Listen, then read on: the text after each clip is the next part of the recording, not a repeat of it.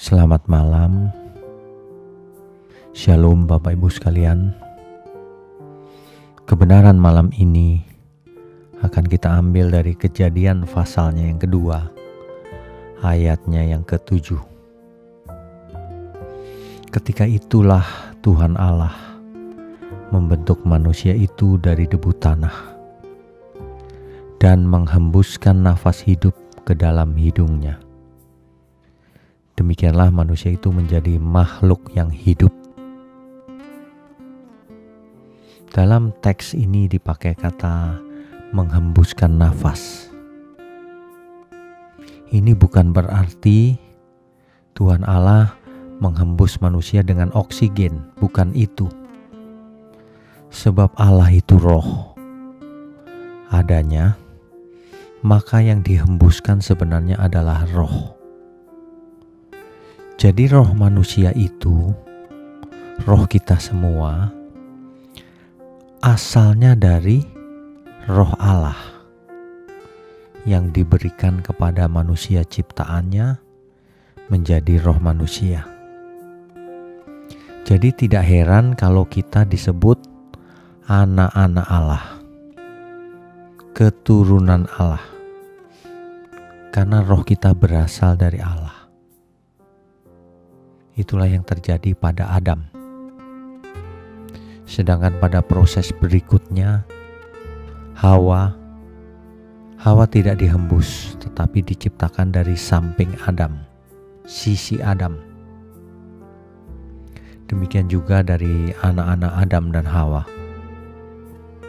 Itu rohnya bukan dihembus lagi dari surga, tetapi merupakan replikasi dari roh orang tuanya. Demikian juga roh kita ini harus kita mengerti mengapa?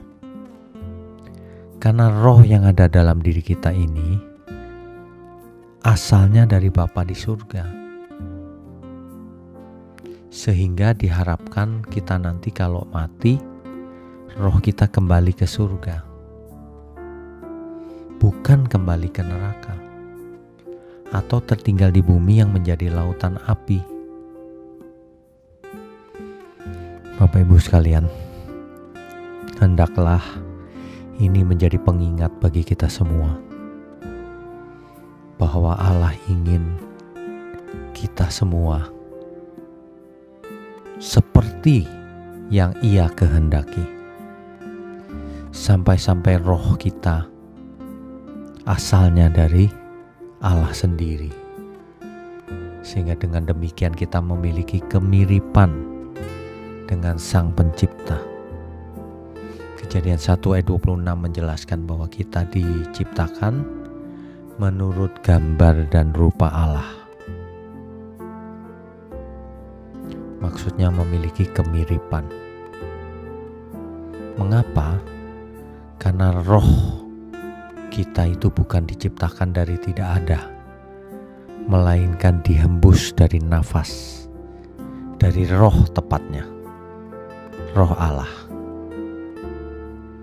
Marilah kita menghargai hidup ini sebagai anugerah bahwa roh kita berasal dari Allah. Bahwa hari ini pun kita ditemani, didampingi oleh roh Allah, yaitu roh kudus. Oleh sebab itu kita tidak perlu takut apa pun kecuali takut berbuat dosa. Kiranya kebenaran ini boleh menemani kita istirahat malam. Selamat malam, selamat tidur. Tuhan Yesus memberkati kita semua. Amin.